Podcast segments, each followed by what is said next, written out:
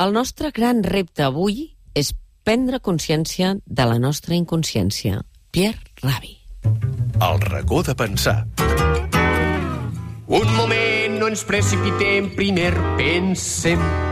Un moment, no ens precipitem, primer pensem. Jo pense, penses... Ell David pensa, Fernández, molt bon dia, benvingut al racó de pensar.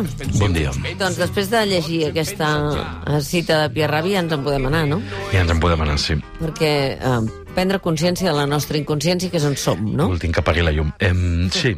Eh, De què parlem avui? Sobre què D'això, mira, doncs parlem d'ahir al vespre, parlem de fa 50 anys, segurament, i parlem sobretot del, del demà, perquè ahir al vespre a la llibreria Libri de Barcelona, Sí. l'antiga llibreria Herder, es presentava el darrer llibre de Jorge, Jorge Richman, Otro fin del mundo es posible, decían los eh, compañeros, ben acompanyat per la Marta Tafalla i en Salvador López Arnal, i és un llibre que parla de transicions ecosocials, de col·lapses i de la impossibilitat del necessari. O sigui que avui ens anem al racó de pensar amb en Jorge Richman. Molt bé. La seva lucidesa i també, cal dir-ho, ja ho veurem ara, la seva, la seva duresa també en aquest eh, gener-febrer entre glòries i terres de l'Ebres, pagesies, coronavirus i meteorologies embogides. De tot. així. És a dir, que uh, ara que parlàvem amb la pagesia i parlàvem amb els pagesos i parlàvem del coronavirus, estem allà mateix. O sigui, un altre fi del món és possible. Exacto. Oh, Decían, lo, decían los compañeros. Segurament és el, segurament és el llibre més... Eh, ahir es deia a la presentació, i amb molta raó i justícia, que és el llibre més benjaminià, de Walter Benjamin, en el sentit de el pitjor, eh, de concebre qualsevol revolució com un fre de menjar- de- d'emergència o d'endinsar-se no?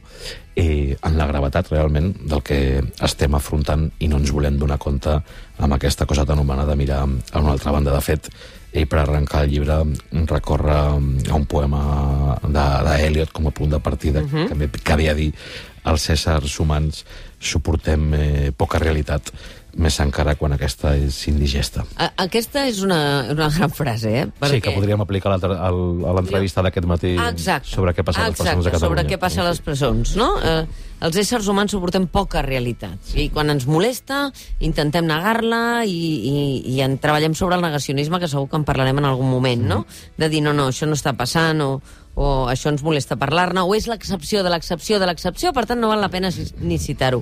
Però pel que fa a l'advertiment de la comunitat científica sobre el que estem fent a, amb el planeta i el que ens queda, no podem dir que no sigui un advertiment ja sistemàtic, reiteratiu i amb proves... Eh, No, jo crec que en Jorge no? ahir ho explicava molt bé quan, quan deia que, que fa molt de, a més, molt de temps que som avisats, és a dir, los límites del crecimiento del matrimoni Meadows de l'any 72, doncs Mm. l'any 2022, d'aquí un any i mig, farà 50 anys que està escrit i advertia que, òbviament, que en un planeta finit no existeix el creixement infinit, que és una autèntica eh, borrada fantasiosa, no?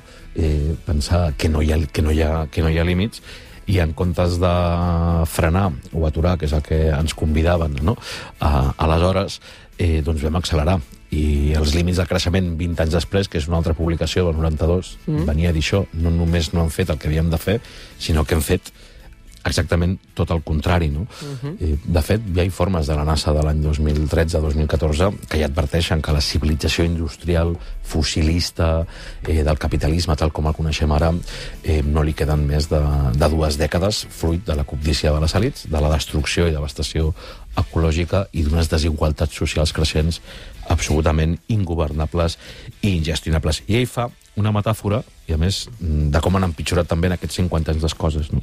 Ell recupera, que sembla que estigui escrit ahir o aquesta matinada, un, un manifest que es va signar per moltíssima gent d'arreu de l'estat espanyol a l'estiu del 2014, que es deia Última llamada, i que es deia això és més que una crisi econòmica i de règim, és una crisi de civilització, I atura't, perquè quan diem que és una crisi de civilització, és a dir, que tot ho atribuïm en general, i, i nosaltres, eh, els ciutadans de carrer, doncs segurament no ens sentim responsables d'això que en diem el sistema econòmic, desmadrat, etc. Però en aquest manifest ells subratllaven que el que tenim és una crisi de civilització, en el sentit de que som tots i cadascun de nosaltres en la manera com vivim que al final fem possible això, no? Sí, sí. I el manifest acabava dient... Dient això. Les conseqüències de no fer res o fer massa poc ens porten directament al col·lapse social, econòmic i ecològic. Però si comencem avui, i estem llegint paraules del 2014, encara podem ser les i els protagonistes d'una societat solidària, democràtica i en pau amb el planeta. Sensació, sensació de que caminem cap aquí, David Fernández, d'entrada no la tenim. No, i a més de, del no fer res o fer massa poc, en aquest cas hem de constatar que s'ha fet el, el contrari, les reiterades no? cimeres eh, fracassades, però és curiós perquè en aquests 6-8 anys mm. eh, el Jorge ho explicava molt bé, deia l'any 2012 en els grups científics o acadèmics o ecologistes, activistes sobre, sobre el canvi climàtic hi havia dos grans posicionaments els que deien ja no hi ha res a fer, és a dir, Sí? el punt de no retorn està creuat i els que veien una lluerna d'esperança, una escletxa.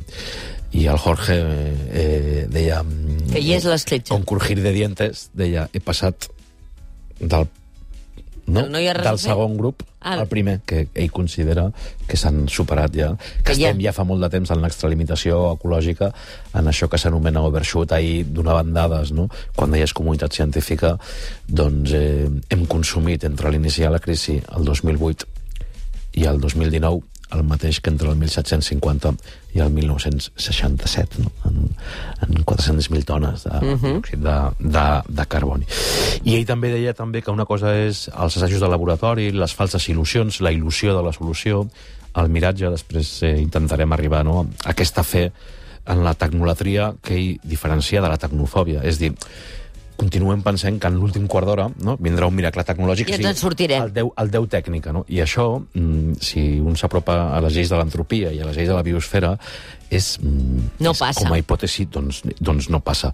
I també en les falses il·lusions, fins i tot perquè s'aposta també per un canvi eh, no, eh, eh, de, de renovables d'alta tecnologia, o fins i tot eh, amb el cotxe elèctric, no? doncs no hi ha prous materials no? L'escorça terrestre no té prou materials per fer, no hi ha prou recursos per fer aquest, aquest trànsit. I explica una experiència que jo crec que és, que és singular del que costa canviar les coses, que és la de la illa de Hierro, a, a les illes Canàries, que va començar un projecte ja als anys 80, que s'ha materialitzat fa poc, no?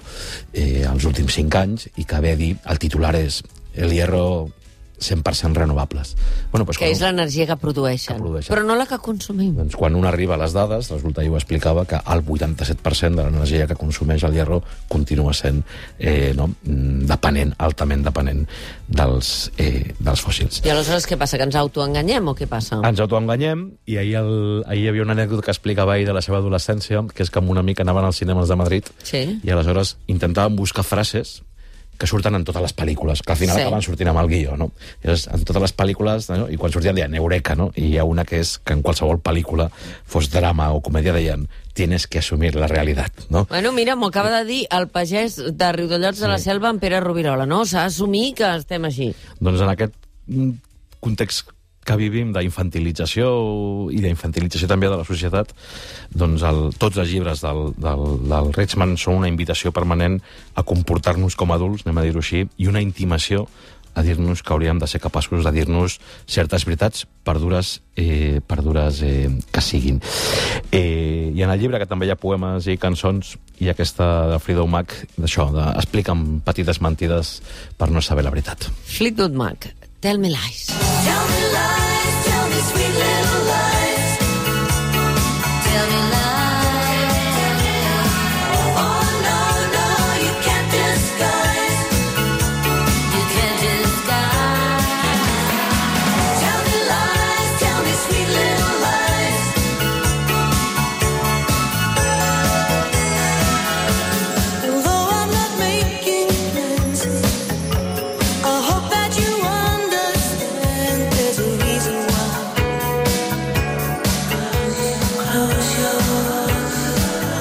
el llibre de Jorge Richman hi ha una reflexió de Jesús Ibáñez que diu quan alguna cosa és necessària i alhora impossible, cal canviar les regles del joc per inventar noves dimensions. Una altra cosa és com ho fem perquè es canviïn. Exacte, perquè ell també... Ell, ahir van sortir moltes paradoxes. Una altra era que el que és ecològicament i socialment necessari és avui, avui per avui, política i culturalment eh, inviable i materialitzable, perquè no hi ha aquesta voluntat majoritària de canvi, o deia d'una altra, amb, una altra, amb una altra aporia o paradoxa, no? El que cal per sortir no té potencial de majories socials. I allò que té potencial de majories no serveix per sortir, i li diu som. l'atolladero, no?, Sí. del, del, Del fang on som, no? I aleshores recorre molt a la capacitat d'autoengany. Fins i tot se'n va a Tolstoi per recordar eh, un dels principals problemes no? per, per, per qual no ens en sortim, que és que som una, estructural, una societat estructuralment negacionista. Un, aquest terraplanisme dominant, no? de, de fent com si, no? fent com si això no passés, i el joc acaba acabant en farsa o en drama. Dos, eh, neguem Digue-li corrupció, digue-li el que vulguis, fem com si no fem passés. Com si, fem com si no passés. El terraplanisme té moltes dimensions. Sí. La segona és sobre els límits eh, no? biofísics del planeta, és a dir, ja no és un debat polític o energètic, és un debat físic també sobre les resistències i les capacitats del, del planeta. I la tres, que és, eh, que és aquesta, aquesta frase de no volem creure el que ja sabem, és a dir, que som el que ja sabem, és a dir, som, som gregaris, no volem creure allò que ja sabem i no volem assumir la profunditat i la fundaria dels canvis que caldrien simplement per evitar mm, el, el pitjor. I quan ja estàvem en aquesta situació de mm, negacionisme estructural, la setmana passada va arribar una quarta variant, cortesia de Josep Borrell, que ens va aclarir eh, jo estic convençut que la gent jove que vindrà està disposadíssima a pagar el preu que implica no? una, un canvi, una, una transició ecològica i social. Tan, tan, tan convençut com que, Borrell, com que Josep Borrell no està disposat a pagar el preu, no només no està disposat a pagar el preu, sinó que a més vol cobrar per evitar-ho. Eso de que los jóvenes tienen una apuesta decidida por el cambio climático, eso que puede llamar el síndrome Greta, eh, permítame que lo dude. ¿eh? Porque está muy bien salir a manifestarse por el cambio climático hasta que no te pidan que contribuyas a pagarlo.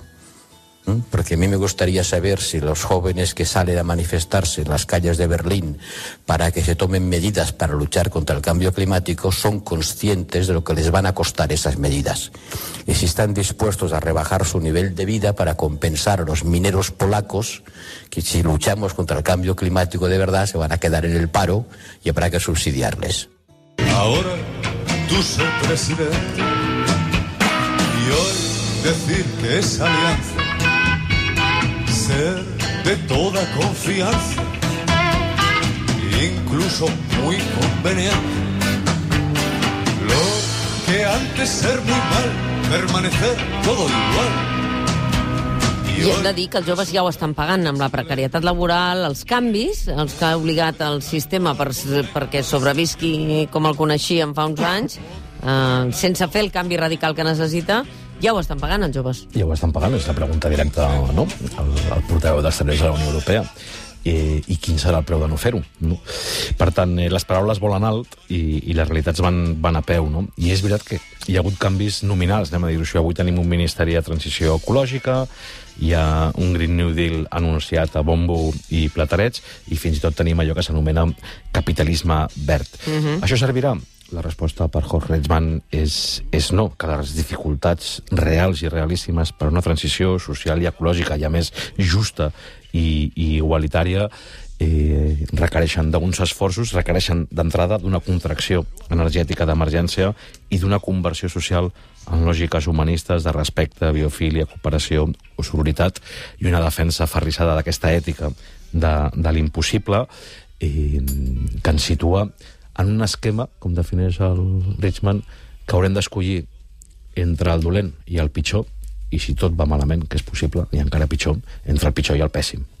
I qui se'n surt, al final, saps? Perquè si no fem aquest canvi radical, qui se n'acabarà sortint una altra vegada i qui no? És molt interessant com ell sempre llegeix els altres, i se'n va a Silicon Valley, d'on algunes fraccions de Silicon Valley són els que més preconitzen que el col·lapse està arribant. I, per tant, hi ha una economia securitària i paranoica del búnquer, on tothom s'està construint els seus búnkers, no? com dient, la pasta eh, ens salvarà. La qual cosa arribem a aquell esquema de, de cooperació o, o Mad Max, no? I, tanta, i tantes distopies que s'han escrit, no? Com la carretera, no? De, de, de, de on anirà això. Però és curiós com no volem assumir el que, el que ja sabem, perquè implicaria actuar, i ell, òbviament, ho posa que, que el terreny que tenim hi ha moltes formes de perdre, també, i moltes formes de guanyar. Això també és un debat per un altre racó de pensar, perquè se'ns en va, se'ns en va el, el temps. És un llibre interessantíssim perquè, més, dialoga amb altres llibres i amb altres autors. Vull dir, és un llibre eh, que reflexiona, que convida a, a, a pensar des d'aquest... Eh, eh, pessimisme, eh, mm -hmm. en aquest cas ja no només antropològic, si- sinó biofísic, no? De com estem malmetent el, el planeta i comprometent ja fa molt de temps les generacions eh, futures. Quan el David Fernández diu que aquest llibre dialoga amb altres autors, està pensant, perquè, uh, perquè ella em volia parlar de les cenizas de Prometeo, de Joaquín Samper Escrivà, de Encara no és tard claus per entendre i aturar el canvi climàtic, De de l'Andreu Escrivà, perdona, de l'Héctor Tejero i l'Emilio Santiago Muñoz, què hacer en caso de incendio. Normalment mantenint la calma i buscar una sortida d'emergència. Exacte, ràpidament, si us plau. Bueno. Amb quina, amb quina peça de música vols que marxem d'aquest Doncs racó de mira, pensar? marxarem amb els Smoking Souls versió mm, acústica eh, expectants i esperants que, que siguin capaços de construir la comuna de la biosfera. Passatges del món, que és el que som. Gràcies, David Fernández. Vosaltres.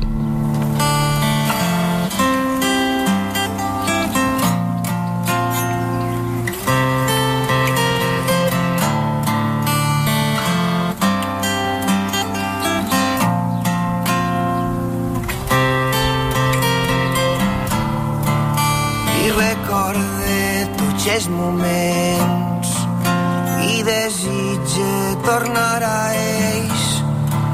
No he nascut per ofegar-me, vull marxar d'ací. Més enllà, més enllà,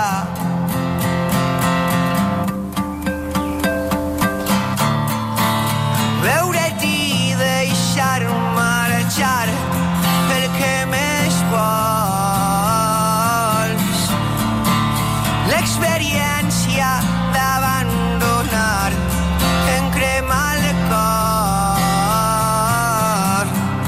L'agafat amb força, no hi ha por.